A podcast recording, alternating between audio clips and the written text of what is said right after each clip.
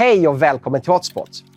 Kriget i Ukraina är på allas läppar och tankar i dessa dagar. Många blev tagna på sängen av att Ryssland visade sig vara så pass aggressiva att de inledde ett konventionellt krig i Europa, även om skriften visat sig på väggen en längre tid.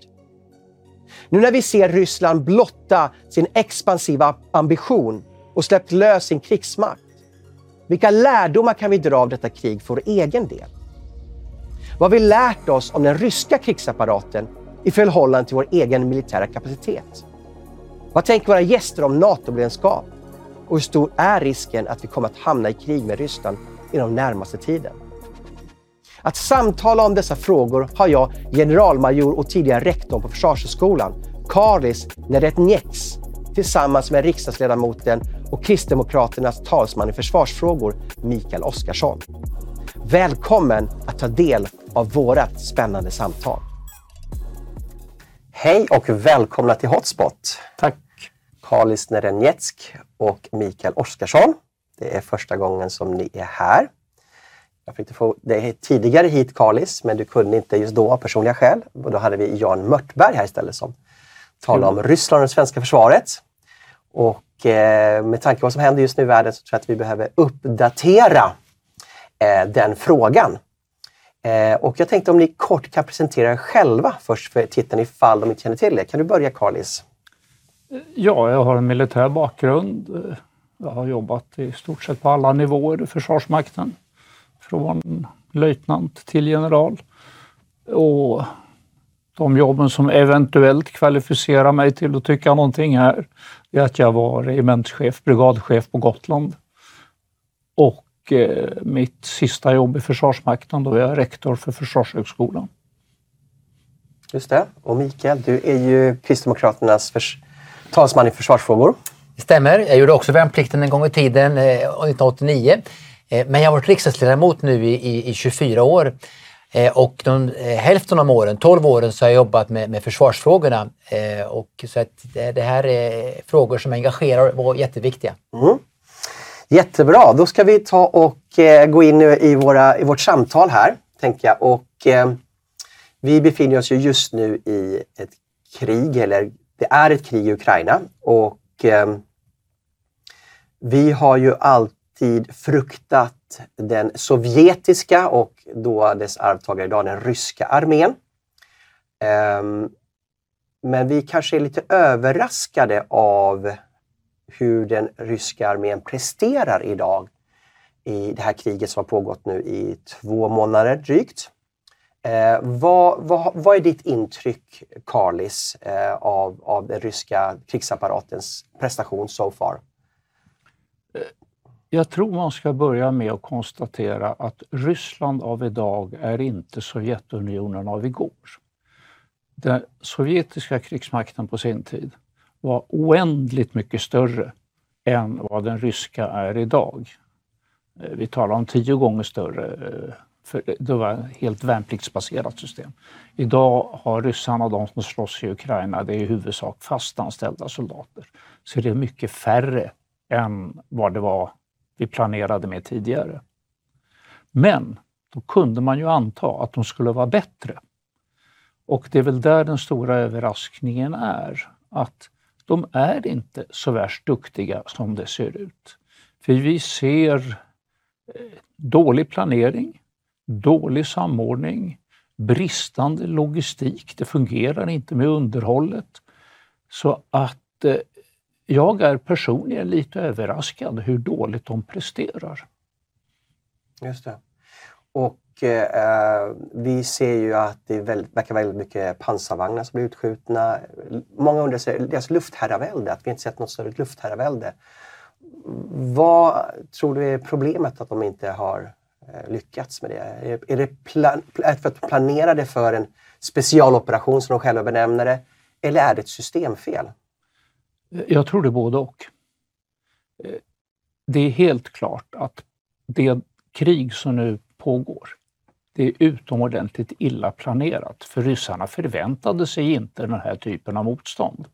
Utan man trodde nog att man skulle kunna upprepa eh, det man, det man lyckades med 2014 på Krim och i Donetsk och Luhansk. Alltså, eh, ukrainarna skulle vika ner sig fort.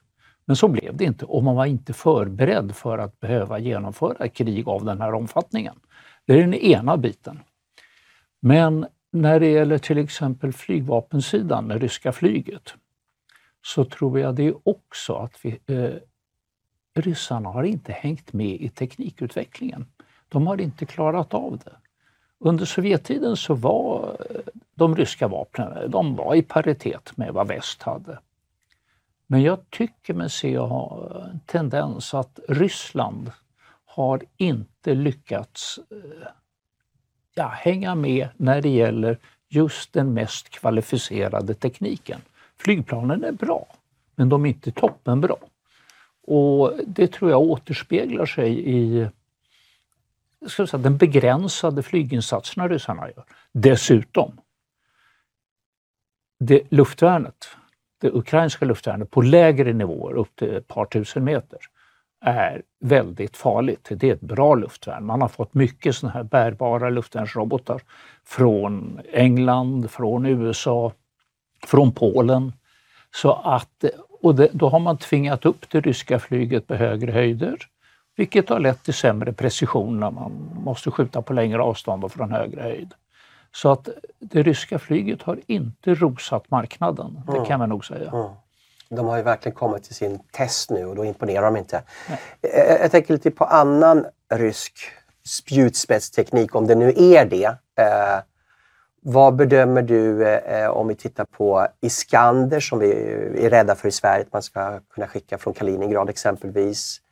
Eller deras pansarvagnar T80, T90. Eh, man talar mycket om de termobariska vapnen. Eh, var, du har precis nämnt då eh, att deras, luft, luft, eh, va, eh, deras eh, flygplan inte riktigt håller måttet. Va, va, nu när de eh, testas här, eh, vad, bedömer, vad bedömer du kvaliteten i de här vapenförslagen då? De fungerar nog som tänkt. Möjligtvis kan man säga att de ryska stridsvagnarna, om vi ger oss in i tekniska detaljer, har ett ammunitionslagringssystem som gör att de blir extra sårbara för takslående pansarvärnsvapen.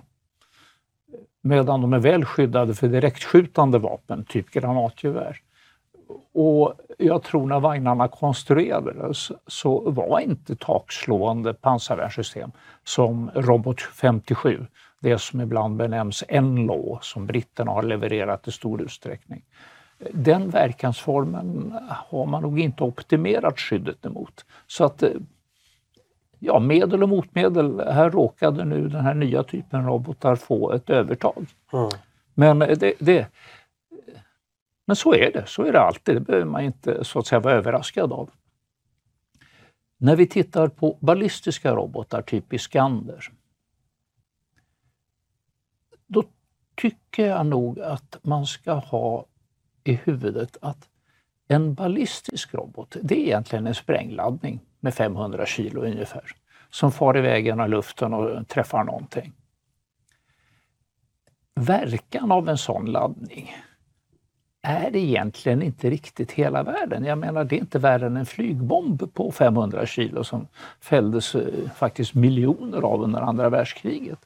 Så att eh, Ja, jag kan på en gång säga hotet från ballistiska robotar, det är överreklamerat. Det slår ut ett hus, ja det gör det. Men det är ett hus. Eh, jag menar, hur många hus har inte slagits ut av annat? Så att eh, det, är mer, det viktiga med ballistiska robotar, det är om de har förmågan att träffa, alltså vara väldigt eh, precisa. De träffar alltså exakt på den bron som man eh, vill slå ut eller exakt på den stabsplatsen som man vill slå ut. Det är precisionen som är det viktiga, inte att det är en laddning på 500 kilo som kommer farande. Mm. Men är det inte svårare att skydda sig mot de ballistiska eh, missilerna för de, de går ju i högljudshastighet? Och... Ja, det är extremt svårt att skydda mm. sig mot dem. Eh, I praktiken är det nästan omöjligt med de system som finns. Vi har visserligen köpt det amerikanska systemet Patriot, men ett Patriot-batteri, en eldenhet som man ställer någonstans, den skyddar i princip bara mot en robot som i det närmaste går exakt mot den platsen. Mm. Den här bilden som vi ser med stora cirklar som eh, runt våra Patriot-batterier. Eh, det är cirklar som är giltiga om man skjuter på flygplan eller kryssningsrobotar. Men en ballistisk robot som kommer då uppifrån och rakt ner i princip, cirkeln är minimal. Mm. Så att... Eh, och vi har bara fyra eldenheter vad jag förstår ja. av Patriot-systemet. Och vill vi skydda oss mot ballistiska... Ja, de kommer skydda Gamla stan och slottet, en eldenhet, mot ballistiska robotar. Däremot kommer de skydda huvuddelen av Stockholm, hela Stockholm, mot flyganfall och kryssningsrobotar. Man, får skilja på vilka system man ska bekämpa. Och kan du förklara kryssningsroboten? Kryssningsroboten det är i princip ett miniatyrflygplan som går ungefär i ljudhastigheten, under ljudhastigheten, en obemannad farkost alltså, som går på låg höjd och sen träffar någonting, ofta med väldigt hög precision. Det är ett mycket bra vapen om man vill till exempel slå ut en bro eller en speciell anläggning eller någonting sånt. Den går mer rak bana ja, det, medan ballistisk går i, som en båge? Precis. Mm. Alltså man kan jämföra en kryssningsrobot med ett litet flygplan, obemannat mm. litet flygplan. Det, det, är i princip samma sak. Just det. Eh, om vi då tittar på manskap eh, så har vi ju, finns ju en liten aura kring ordet spetsnas eh, och eh, de ryska fallskärmstrupperna. Hur har de presterat? Eh, de intog väl den här flygplatsen, eh, Homostel utanför Kiev. Och det, var, det bytte hand mellan Ukraina och ryssar. Eh, för mig som bara en lekman så verkar de inte ha imponerat och levt upp till det namn man har byggt upp kring ordet Spetsnaz. Vi ska inte blanda ihop Spetsnaz med eh, fallskärmsjägare eller mm. VDV. Mm. Det, det är två olika sorter. Eh, det ena är, kallar det för sabotageförband som jobbar i små grupper. 5, 10, 15 man kanske. Det är Spetsnaz det? Det är Spetsnaz. Mm. Eh, fallskärmsjägare, det är väldigt duktigt infanteri fast de kommer genom luften. Det, antingen hoppar de fallskärm eller transporteras med helikopter eller någonting sånt. Så att eh, vi ska hålla isär de två kategorierna. Det här angreppet mot Homostel, Antonov-flygplatsen utanför Kiev, det misslyckades i huvudsak på grund av att ukrainarna var förberedda. Ukrainarna stod i princip och väntade på luftlandsättningen. Och det tyder på en väldigt god underrättelsetjänst. Var de fick informationen ifrån, om de åstadkom den själva eller om det var någon utomstående som försåg dem med informationen, det vet jag inte. Men de stod där och väntade. Och eh, jag ska säga att det är en klassisk sanning. Luftlandsättning på en försvarad plats brukar alltid gå åt skogen. Och det gjorde den. Mm. Okej. Okay. Eh, det här kriget vi ser nu, eh, ritar det om kartan på något sätt? Alltså alla, alla tittar ju nu på det här kriget och drar ju lärdomar. Eh, ritar det om kartan hur man kommer föra krig framöver? Vi ser ju du nämnde ju här att vi ser väldigt många ryska stridsvagnar slås ut. Ehm, kommer vi kanske omvärdera betydelsen av stridsvagnar exempelvis? Ja, och, eller att ett litet land har förmåga att försvara sig mot en stor krigsmakt. Eh, jag vet att jag läste en artikel igår om hur Taiwan drar lärdomar nu utifrån kriget i Ukraina gentemot om eh, Kina skulle försöka invadera dem. Vad, vad säger hur stor betydelse har det här kriget för militärstrateger över världen? Kriget är ju ett mycket intressant, kallar det för laboratorium, för moderna vapensystem och eh, modern teknik och modernt uppträdande. Men nu ska vi akta oss för att dra snabba slutsatser. Det brukar ta ett år eller två innan man har rätt ut vad var det egentligen som hände. Inte vad som syntes på videosnutten från CNN. Men jag ska säga så att de moderna pansarvärnssystemen som vi eh, pratade om just har ökat kraftfullt, ökat förmågan att, ska vi kalla för till defensiv strid att hejda eller bromsa en, som vi konventionellt säger, en pansrad motståndare med många stridsfordon. Det är, alltså det är nästan som man kan jämföra det med det resultat som kulsprutan åstadkom 1914 i första världskriget. Mm. Man anföll med stora infanteriförband som man hade gjort under 1800-talet. Men då fanns inte kulsprutan. Och sen fick vi den, ja, eh, skyttegravskriget på västfronten 1914 och framåt. Tack vare att kulsprutan hejdade i princip alla möjligheter att framrycka på det viset. Det är nu eh, drygt 100 år sedan. Men infanteriet har ju inte försvunnit för det. Utan då man har ändrat taktik, man uppträder på ett annat sätt. Man samordnar sin verksamhet på ett helt annat sätt med andra vapensystem. Till exempel ryssarnas extremt stora misstag här i Ukraina har varit att försöka framrycka bara med stridsfordon i olika situationer. Eh, jag måste säga, det lärde vi oss redan under andra världskriget att det går inte. gick inte då, går inte idag heller. Utan det måste vara en samverkan mellan stridsfordon, infanteri, artilleriunderstöd och artilleriet ska ju då bekämpa de här pansarvärnsrobotskyttarna eller hålla dem, se till att de duckar när fordonen framrycker. Så att jag tänker inte, jag tror det vore väldigt förhastat att dra långtgående slutsatser. Stridsvagnen är död därför att vi ser det. Helikoptern är död därför att de misslyckades på Antonov-flygplatsen utanför eh, Kiev. Alla fartyg kan vi avskriva därför att kryssaren Moskva blev sänkt i Svarta havet. Nej, vi ska passa för sådana slutsatser just nu i alla fall. Mm. Mikael, du ska få komma in här. Nu har vi mm. Carlis eh, delat med sina kunskaper. Så att, eh, vad, vad, vad har du att säga? Jo, nej, nej, men, men, först är det ju som, som, som Carly säger att, att det, här, det här kriget eh, har ju inte gått alls som, som man tänkt sig och det har också varit väldigt dåligt lätt. Mm. Det, det, det, är liksom, först delar man upp det tycks det i tre olika delar och, och, och sen ändå skulle det styras ifrån Moskva. och, och ja, det var tänkt att det skulle gå på ett par dagar och sen skulle man nästan i vissa delar tänkte man att man skulle vifta med flaggor och, och presidenten Zelensky skulle fly. Så har inte skett. De har varit en fantastisk eh, eh, folk också och med, med, med vilja att försvara sitt land. Och det här kommer vi in också då från, från svensk sida att, att, eh, och omvärlden. Att eh, det har ju, alltså vi måste komma ihåg att, att det här Kiev är närmare än Bryssel.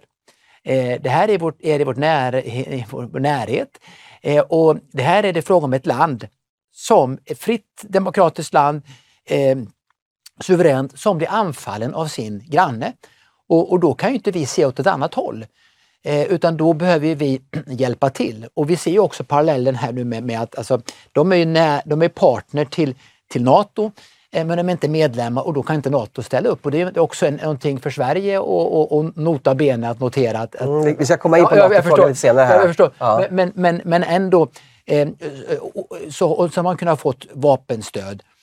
Och från svensk del så har vi ju varit unikt. Vi har för första gången någonsin varit med och gett, eh, i, i, i, ja, sen finska vinterkriget, eh, eh, med att, att ge i, i ett pågående krig.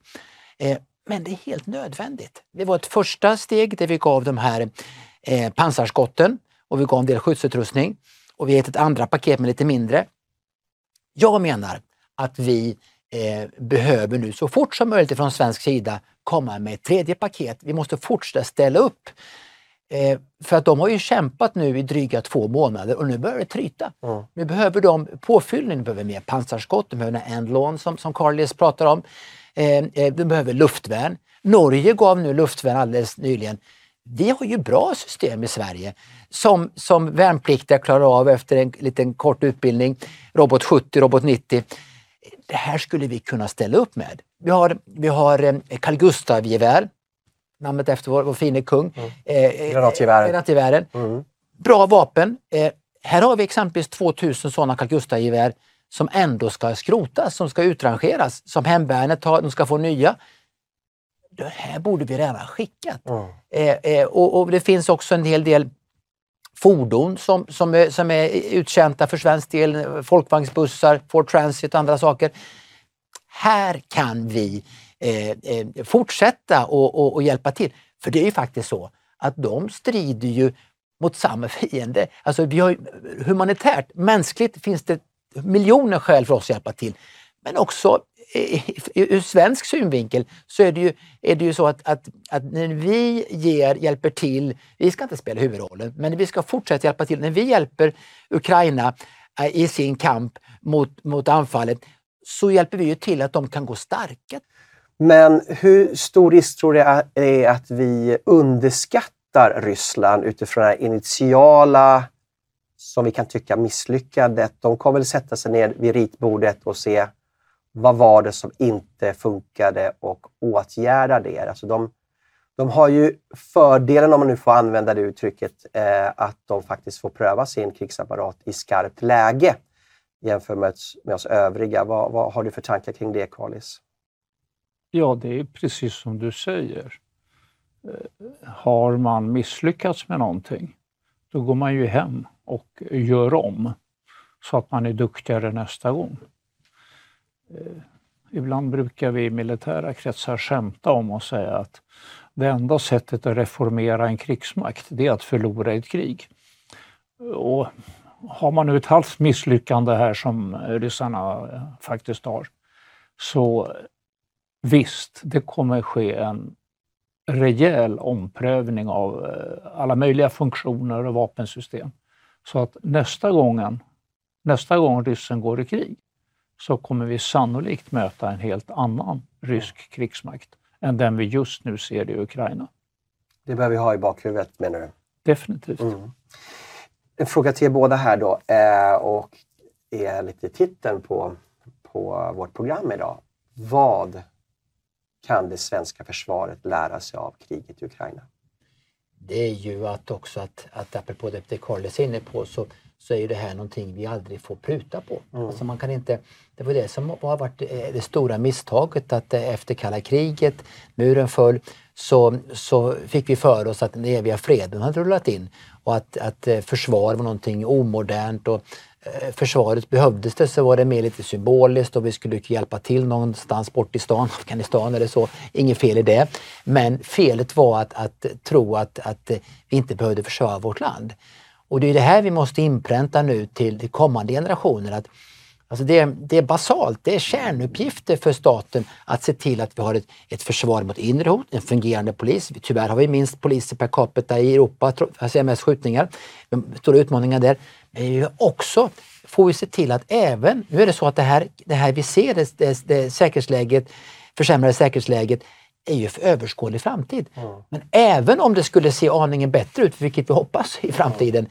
så måste vi inpränta, det här kan man inte pruta på. Det här handlar om hemförsäkring, det här handlar om att, att kunna, ha, att kunna försvara sig, eh, både civilt och militärt. Så att det, det är ju en, en, och också apropå det här med att, att det, det, kommer se annorlunda ut. Vi måste ju se till nu vi har en bra försvarsmakt, den är bättre än den var förut, men den är för liten och den måste också se till att hänga med för framtiden. Så det här med, med att satsa på försvaret, och här är, ligger ju vi ju tyvärr, vi är det land som satsar minst på vårt försvar av Östersjöstaterna. Vi ligger, det kom siffror igår från Sipri, vi ligger på 1,3 procent. Eh, Medan grannländerna, Finland ligger på 2 procent, Baltikum är på 2 eller uppe på 2,5 procent, likadant med, med, med Polen. Eh, tyskarna har bestämt sig för att gå från 1,4 till 2 procent. Vi måste göra på samma sätt. Det här handlar om att en grundläggande förståelse för att vi måste kunna försvara vårt land och vår frihet. Eh, och det har vi tummat på. Så får det inte vara i framtiden. Mm. Ja, vi hade en doktrin där vi gick från invasionsförsvar till insatsförsvar, då, som du nämnde. Men nu är vi tillbaka till invasionsförsvaret igen. Ja, vi måste kunna försvara eh, vårt land och, och, och, och, sen är det ju en förståelse för att, att om igen på det med, med Nato, att, att vi, vi kan inte försvara oss på egen. Vi behöver samarbete men vi behöver, med andra länder, vi behöver hjälp, vi behöver ett NATO-medlemskap. Men vi behöver också se till då att, att våra förmågor, flygvapnet är jätteviktigt med så stort land som Sverige. Eh, det måste vi kunna eh, ha igång Uppsala, inte bara, nu har vi en flottilj finns där, men det måste också eh, finnas flygplan baserade där. Vi måste kunna fly, flytta ut våra, våra flygplan i, i sidobaser för att inte de ska vara så känsliga utsatta vid ett angrepp. Vi har en marin som är bra men den är väldigt liten. Den måste kunna ha mer personal så den kan vara igång dygnet runt. Vi måste, mer, mer, vi måste skulle behöva en ubåt till. Vi har en armé som, som är bra men, men där är vi på pappret, där är det, ju bara, eller det, det är bara två brigader egentligen. Det är bara en som är fullt ut igång. Eh, eh och, och i försvarsberedningen blev en kompromiss, KD. Vi hade högre ambitioner men vi sa tre brigader. Men, men vi ser att vi skulle behöva fem eh, brigader. Eh, inte bara i, i Boden eh, och, och, och, och i, i, Skåne och, och Skövde men också skulle vi behöva bygga ut dem, det vi har nu i, i Falun med en brigad som kan hjälpa till både uppåt eh, till eh, eh, med subarktisk förmåga och, och, och norrut, men också mot, mot huvudstaden. Men samma sak i Östergötland så skulle vi behöva ha den, en brigad. En brigad är ju 5000 man. Så vi har stora utmaningar och det här är ju någonting som är viktigt nu att vi, vi inte drar på det här. Eh, regeringen är med oss nu i att till sist att, att acceptera 2 men de kan inte säga när. Och vi tycker det är viktigt nu att vi faktiskt eh, gör det lika fort som Tyskland eh, och, och se till att göra de här investeringarna. Vi har slarvat under många år. Vi har inte betalt hemförsäkringsavgiften. Vi har prutat på den och det är väldigt dåligt. Vi har en vattenskada och då kan vi, en familj, har man en vattenskada så visst, man kan ge sig iväg på den där häftiga resan men det är inte särskilt ansvarsfullt. Och det, det är det vi måste göra nu. Vi har hot. Vi ska inte gripas av panik utan vi ska tvärtom se vad kan vi göra eh, militärt men också civilt eh, för att återta förmåga så att vi kan klara oss. Ibland har det varit så att vi har varit eh, riggade vi har ju vackert väder här i Stockholm och runt om, men, men vi måste klara oväder både bildligt och bokstavligt. Och det är den förmågan och den så att säga, realismen, eh, förståelsen för det. finns otroligt mycket godhet, men det finns ondska och då måste vi klara ut det med ett, ett starkt och fungerande svenskt försvar. Mm. Vad säger du Carlis? Vad, vad, militärstrategerna, militäranalytikerna, vad drar de för slutsatser för det svenska försvaret utifrån det vi har sett hittills i kriget i Ukraina?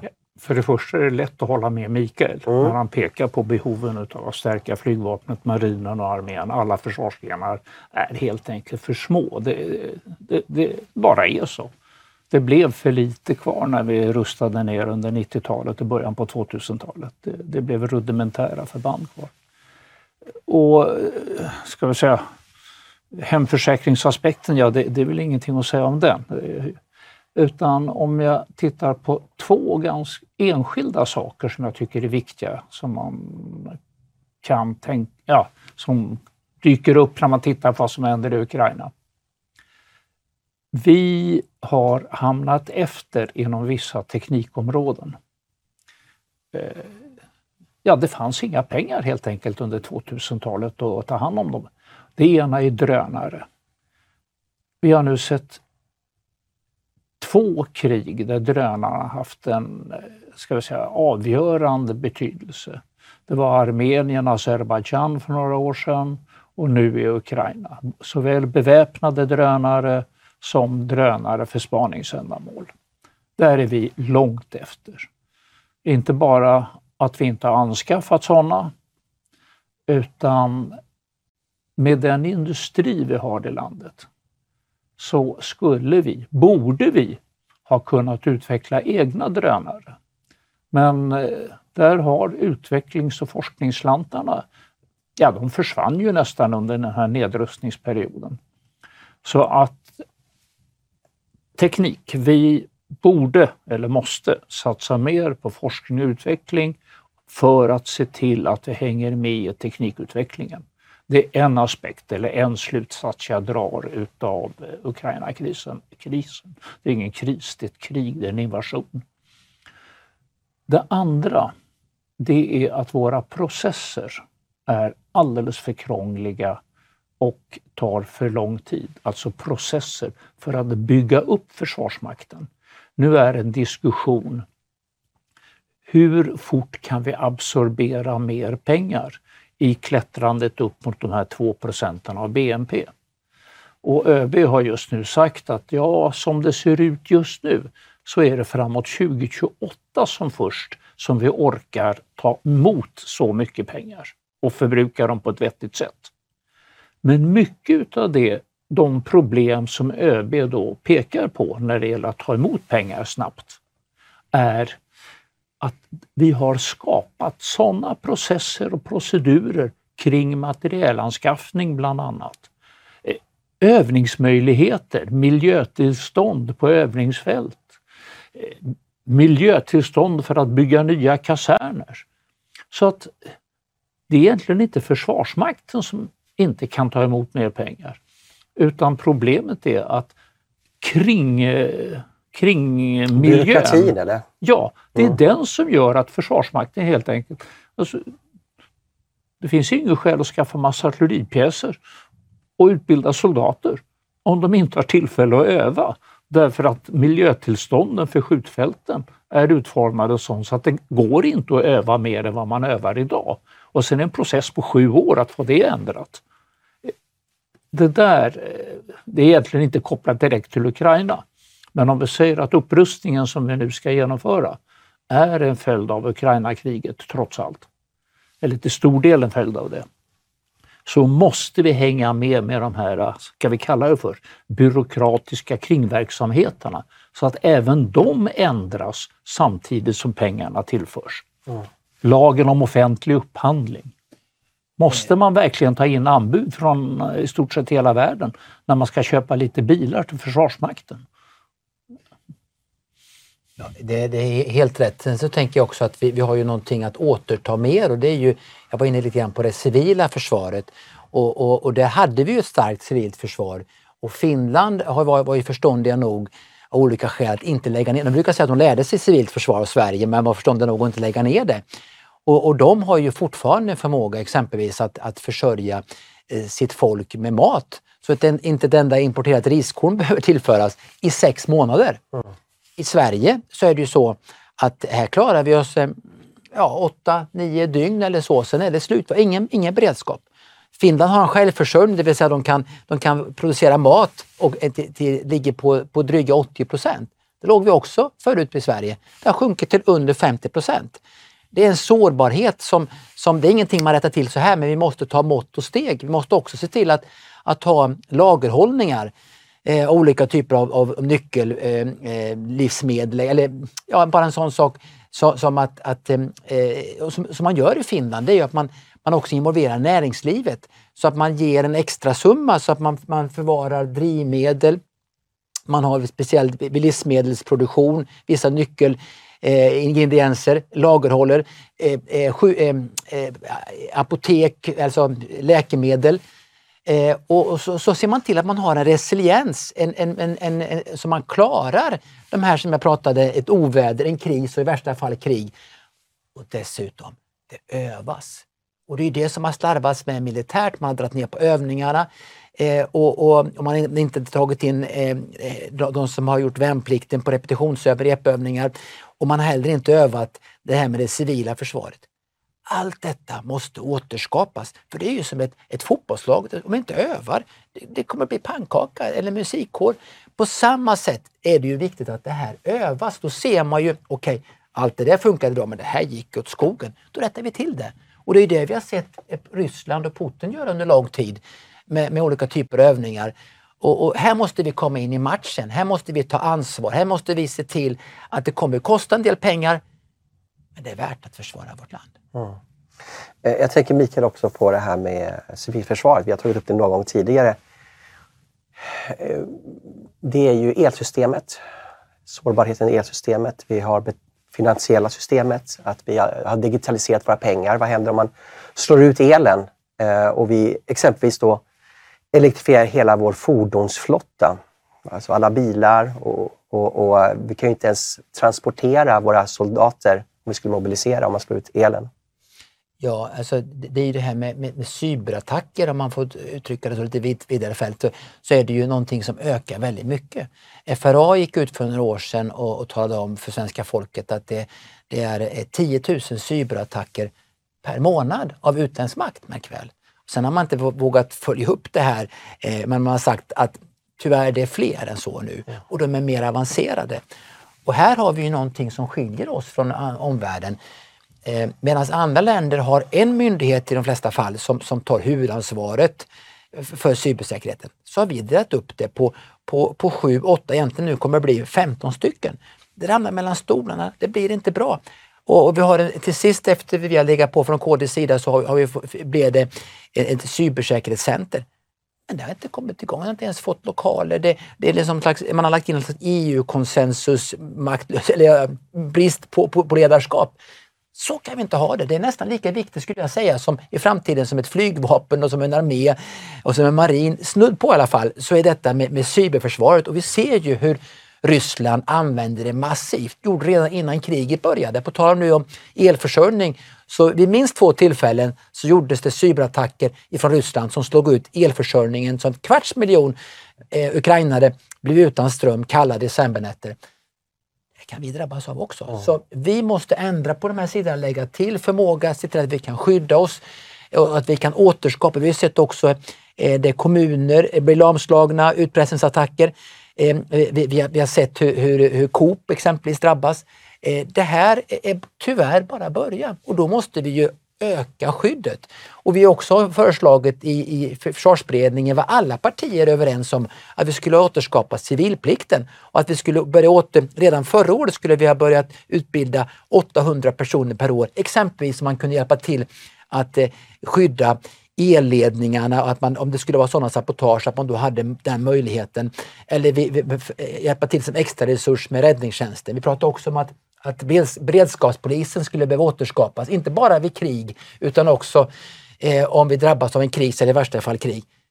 Tyvärr får vi konstatera att ingenting har hänt. I princip ingenting av alla de eh, 250 eh, sidorna med mängder med konkreta förslag hur vi återskapar en civil förmåga och som kom 2017. Fem år senare så eh, det är väldigt tråkigt att se att, att i, nästan ingenting har hänt och det här är inte bra. Så det är bara ett skäl till varför vi behöver byta regering eh, till hösten. Det är ju att återskapa vår militära förmåga, både satsa de pengar vi, vi ska på, på, på Försvarsmakten eh, men också eh, på det civila försvaret, för det här hänger ihop. Det är som två sidor på samma mynt. Och det här handlar ju om att vi måste ta ansvar för att se till att vi, vi klarar de här kriserna, i värsta fall krig. Mm, just det.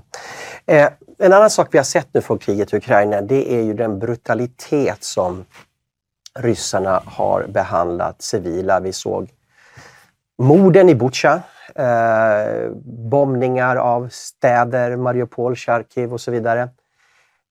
Och vi har ju inte en landgräns utan vi har en luft och sjögräns mot Ryssland och vi skulle absolut inte vilja släppa Ryssland över gränsen till Sverige.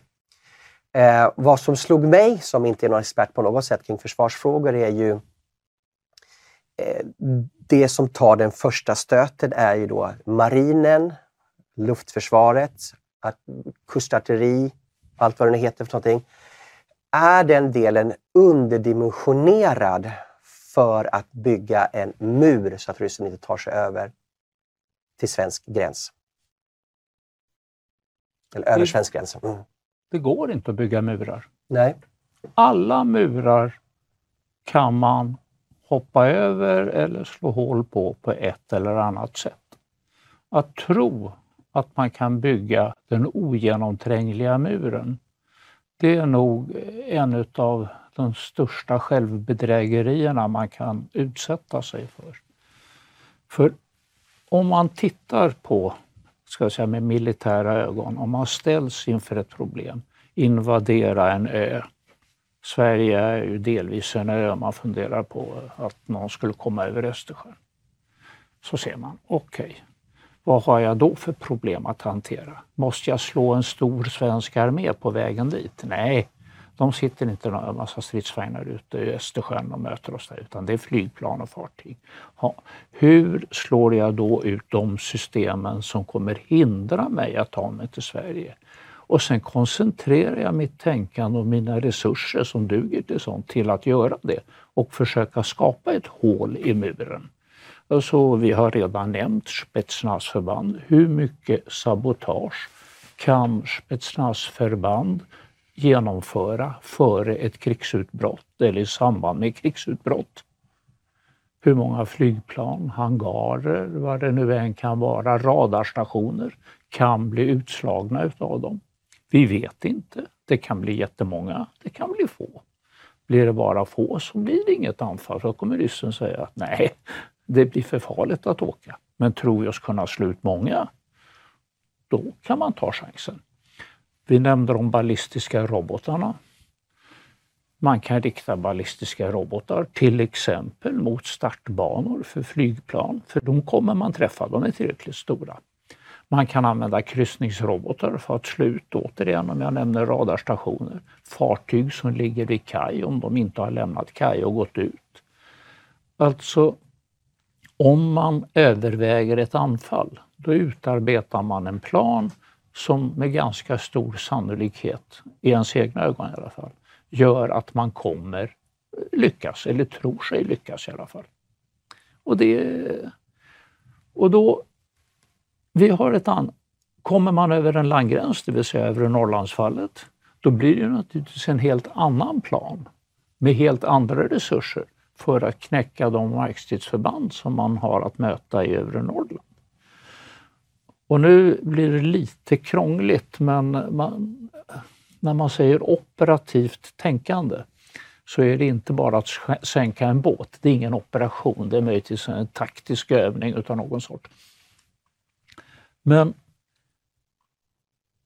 för att kunna ta delar av Sverige, för det är det det är tal om, inte hela Sverige, utan ta Gotland eller Blekinge eller vad det nu kan vara som är intressant. Så man ska få över resurser, ja, och då nämnde jag redan hur man kan tänka för att få över resurserna. Men möter man inget motstånd när man har fått över någonting överraskande, man kanske gjorde det så överraskande så flygvapenmarinen inte kom till verkan. Möter man inget motstånd, då har man ju egentligen löst problemet. För det behövs ingen återfyllnad eller förstärkningar och sånt. För det fanns ju egentligen ingen jag skulle slåss emot. Men möter jag motstånd när jag når det svenska fastlandet eller Gotland, då uppstår helt plötsligt ett problem att jag måste försörja förbanden med ammunition och fler förband och alltihop. Och titta, även om flygvapnet och marinen kanske var nedtryckta för en stund eller vilseledda, helt plötsligt återkommer möjligheten att avbryta resurstillförseln som krävs för att hantera den, de markstridsförband som ryssarna är tvungna att slåss med i Sverige. Och helt plötsligt har vi någonting som då är en operation. Att alla försvarsgrenar arbetar tillsammans och förstärker effekterna av varandras verksamhet. Så att eh, hur attraktivt det än kan låta, låt dem oss bygga en mur som ingen kommer igenom. Ingen har lyckats i världshistorien egentligen. Men då kan man ju alltid säga hur många invasioner har inte genomförts även om man hade velat genomföra dem. Men eh, jag tror att då, när man för ett sådant resonemang, en mur, det är att lägga alla äggen i en korg. Och sen eh, antingen funkar det eller så funkar det inte. Och funkar det inte, då står man där med brallorna nere. Mm. Men tycker du att marinen är underdimensionerad jämfört med andra? Mm. Och flygvapnet. Mm. Om armén. Mm. Allihopa. Ja, jo, mm. men alltså mm. det blev... Jag tänker proportion till varandra. Ja, nej, alltså, eh, låt oss... Eh, den, den försvarsmakt vi hade under kalla kriget, den skulle inte vara bra idag. Inte därför att den var för stor, men den var för okvalificerad. Och vi hade inte råd och vi skulle inte ha råd idag heller, hur mycket pengar vi än satsar, att hålla denna jätteorganisation på 800-900 000 människor så att säga eh, up to date eller med hög standard. Men vi ska veta att under 90-talet och 2000-talet försvann 95 procent av armén. 95 procent av armén försvann. 5 procent blev kvar. Eh, flygvapnet, där försvann i runda slängar 70 procent och lite samma sak i marinen. Så att eh, vi skulle nog kunna vara lite större, eller borde nog vara lite större än vad vi är idag. Mm. Jag kan bara skjuta in det att, att som jag var inne på så, så när det gäller marinen exempelvis så, så har vi för lite sjöman. sjömän. Mm. Eh, vi skulle behöva fördubbla Eh, antalet anställda och, och, och värnpliktiga på det viset att vi då kan se till att våra, våra plattformar kan ha, vara bemannade dygnet runt. Sen behöver vi lägga till eh, stridsfartyg, vi behöver köpa en ubåt till. Det finns andra typer av förmågor. Men sen måste vi komma ihåg att vi måste kunna klara ut att, att eh, försvara både västkust och ostkust samtidigt. Eh, därför att, att om det skulle skorpa till sig så är det inte eh, tyvärr Eh, det ligger i farans riktning verkligen att, att man kommer inte bara hålla på i Östersjön men också att det finns en risk att den, eh, Sverige och, och, och, Nordens viktigaste hamn eh, Göteborg sk skulle eh, blockeras för det är alla våra förnödenheter kommer ifrån. Så där måste vi också se till att, att återskapa en förmåga.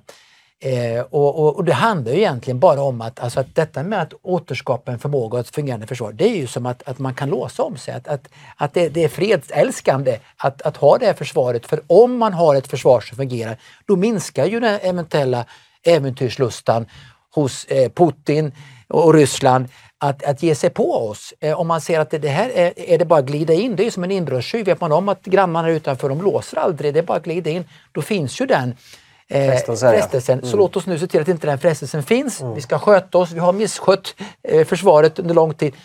Nu ska vi rätta till det och vi ska inpränta det i kommande generationer. Det kommer ta tid, men, men vi behöver nu lägga till eh, alla de, rätta till, fylla de hål som vi ser finns.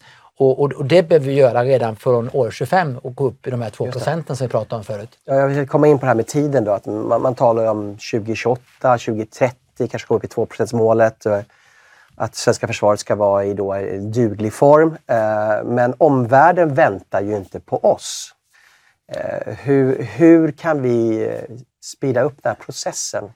Jag tror att det är en, en villfarelse, rent sagt, att, att man tror att man har all tid. Mm. Det fanns de som tänkte så på 30-talet också. Eh, men då var det ju så att där fick man ju, gjorde man ett försvarsbeslut 1936 och sen så fick man då, det var ett tillskott absolut, men man fick 1938 fick man då regga till rejält och sen under andra världskriget fick man ju satsa eh, uppemot 7-8 procent. 12 12 procent. Mm. Ja.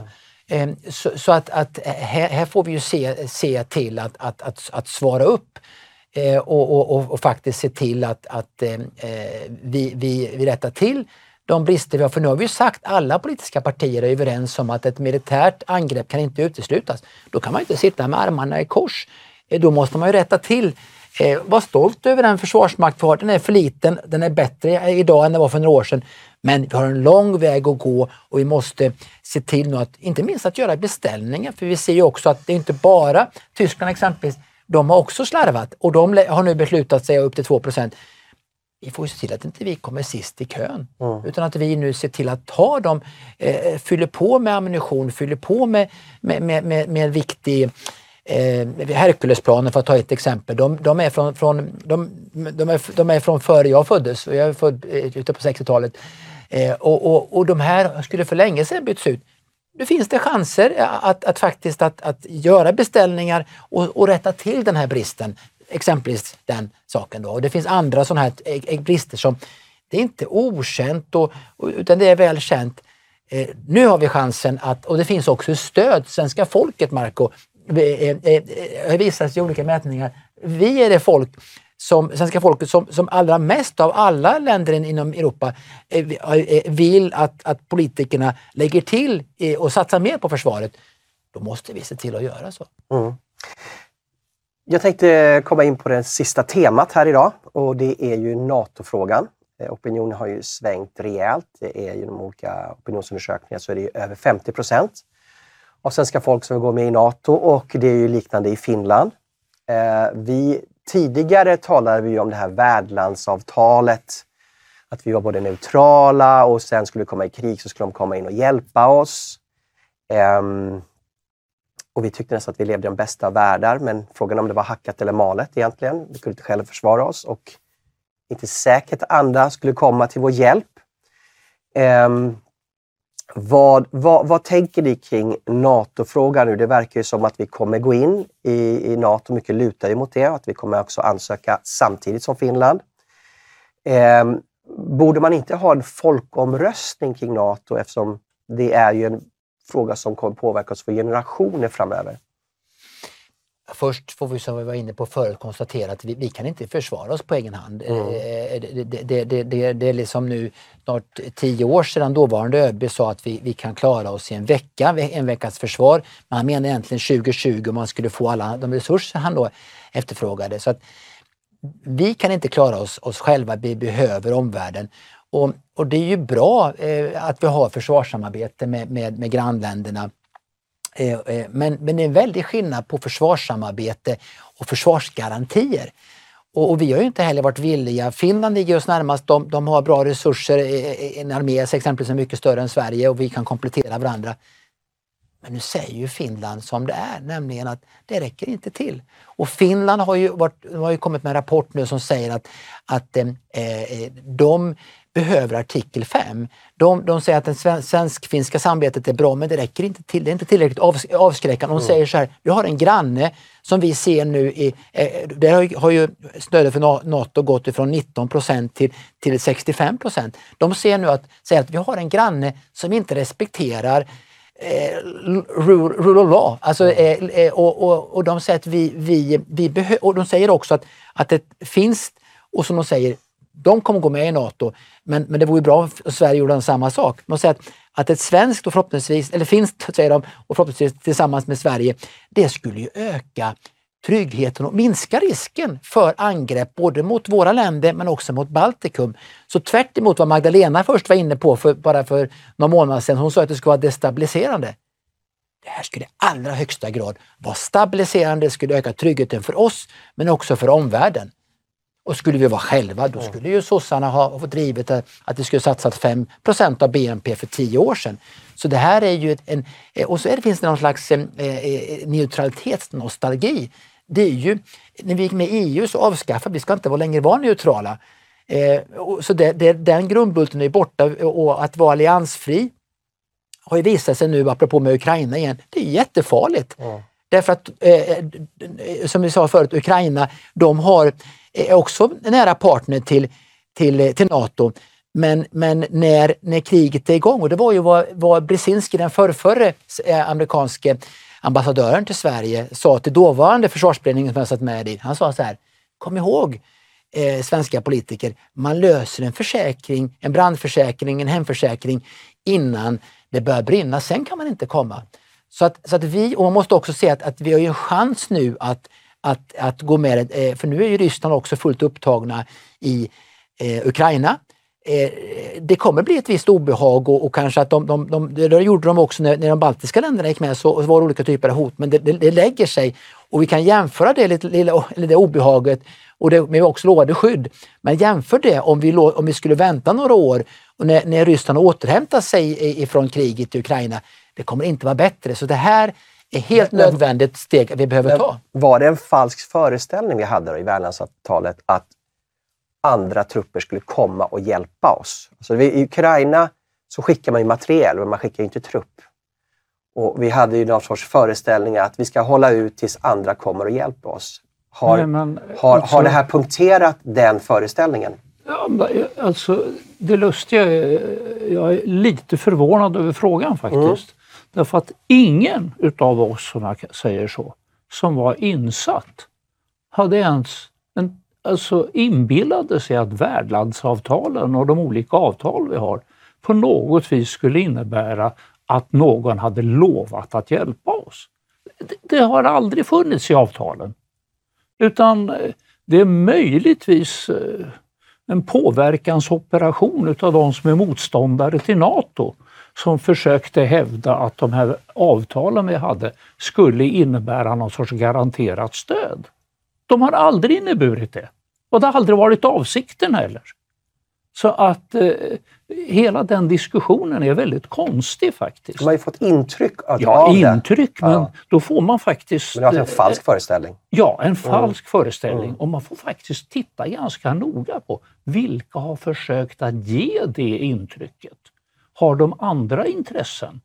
Är det, ja, I värsta fall, är det, driver de någon annan linje som, vad jag skulle vilja säga att många av dem är i grunden så att nej, nej, nu ska vi se till att det här är tillräckligt så vi slipper ta ställning till Nato. Mm. Jag har ett par korta frågor till jag vill ha korta svar från er här. Tiden börjar gå mot sitt slut. Eh, jag ställer frågan, bör inte svenska folket få bestämma en folkomröstning om vi ska gå med i Nato eller inte. För det är en så pass stor fråga som kommer påverkas i generationer framöver. det skulle vara högst olämpligt. Det skulle vara perfekt eldorado eh, för påverkansoperationer. Eh, eh, jag tror att svenska folket har förtroende för de politiska partier man har valt. Kristdemokraterna, vi har varit för NATO-medlemskap i tio års tid. Eh, och, och, och det har Liberalerna och, och Moderaterna och Centern varit också. SD nu har ju tagit ställning. och i Finland, vi hade besöket av finska utrikesutskottet förra veckan och då sa man väldigt tydligt att ja, för det första, låt oss vara tydliga, vi kommer gå med i NATO. Och man sa, det var Socialdemokraterna som sa det i, i finska eh, utrikesutskottet, då sa man också att, att där kommer 180 av 200 rösta för. Det kommer vara några, några vänsterpartister där. Eh, så jag tror att, att, och det visar ju också, alltså i Finland som jag sa förut så har ju, har ju stödet gått från 19 till 65 procent och i Sverige så är det också långt över 50 procent. Så det här finns ett stöd för. Ja, då borde och, man ju lita och, och, och, och, sen så att, att börja bo med, med en folkomröstning som skulle vara nu till midsommar eller någonting. Eh, jag tror att det finns ett förtroende för att, att dels att vi har stått för det här länge men också att, att, att vi som är satta politiker eh, kan eh, eh ta det här beslutet och sen naturligtvis vara öppna med det men att, att också se att det skulle vara ett svek mot, mot Sverige och svenska folket och, och, för framtiden att inte se till att, att göra det här förtydligandet och få det här skyddet som, som finnarna säger. Vi behöver artikel 5. Det är bra med försvarssamarbete men vi måste vara säkra på att vi får hjälp. Vi måste kunna öva. Om ett finskt eller med, med, med, blir medlemmar i Nato då kan vi ju på ett hjälpas åt exempelvis med, med, med Jag, jag förstår, jag förstår att det finns många fördelar med det som du säger men, men är inte det som är demokrati ändå att folket själva avgör eh, vad, vilket styre man vill ha, vilka beslut man vill ta och inte bara representativt. Och, och det här är som sagt är ett jättebeslut. Men förlåt, mm. Mm. vi har valt en demokratimodell i Sverige som är en representativ demokrati. I Schweiz har man valt en folkomröstningsdemokrati. Mm. Det är en helt annan modell. Och nu har vi en speciell, ja, vår demokratimodell. Och då är den till för att användas. Det kan ju inte vara så att så fort det börjar bli svårt att fatta beslut så kliver politikerna åt sidan och säger det lämnar vi till folket mm. att rösta om. Alltså, eh, men det är ett stort beslut, precis som ja, EU-beslut eller stort... EMU-beslut. Att just de här riktigt stora besluten så tar, har vi folkomröstningar som påverkar generationer framöver. Nej, det finns 27 av 30 medlemmar i Nato har anslutit sig till Nato utan folkomröstningar. Men naturligtvis, Sverige måste ju vara lite unikt, så vi måste hitta på vår egen lilla lösning. Mm. Tiden går mot sitt slut. Eh, tack så jättemycket att ni har kommit hit. Och, eh, det kommer hända mycket. Vi, det här kommer sändas om sju dagar ungefär, åtta dagar. Så eh, vi får se vad som händer då. Det kommer sändas den, vad blir det nu, eh, 7 maj tror jag. Och den 9 maj är ju vad heter det här, krigsdagen? Eh, segerdagen. Segerdagen, ja. Precis, så vi får se vad Putin säger då. Så att, eh, min, min prognos, Marco, är att, mm. att inom, inom, två veckor så, så, tror jag att vi eh, kommer ansöka om NATO-medlemskap. Det är min prognos. Ja, jag, jag, tror att, att vi, vi kommer ta det här. Eh, för, för Socialdemokraterna inser nu att, att det, skulle vara alla eh, röda lampor, eller vilken färg man har på, på, på panelen, blinka rött. Det skulle vara väldigt farligt att vara det enda landet som är kvar utanför NATO. Mm. Tack så jättemycket för att ni kom hit. Och eh, tack du som har lyssnat. Och nästa vecka kommer vi tala om bland annat det som Mikael nämnde här om den svenska beredskapen inför ett krig. Vi kommer tala om jordbruks och skogsfrågor och landsortsperspektivet. Så välkommen tillbaka till Hotspot nästa vecka.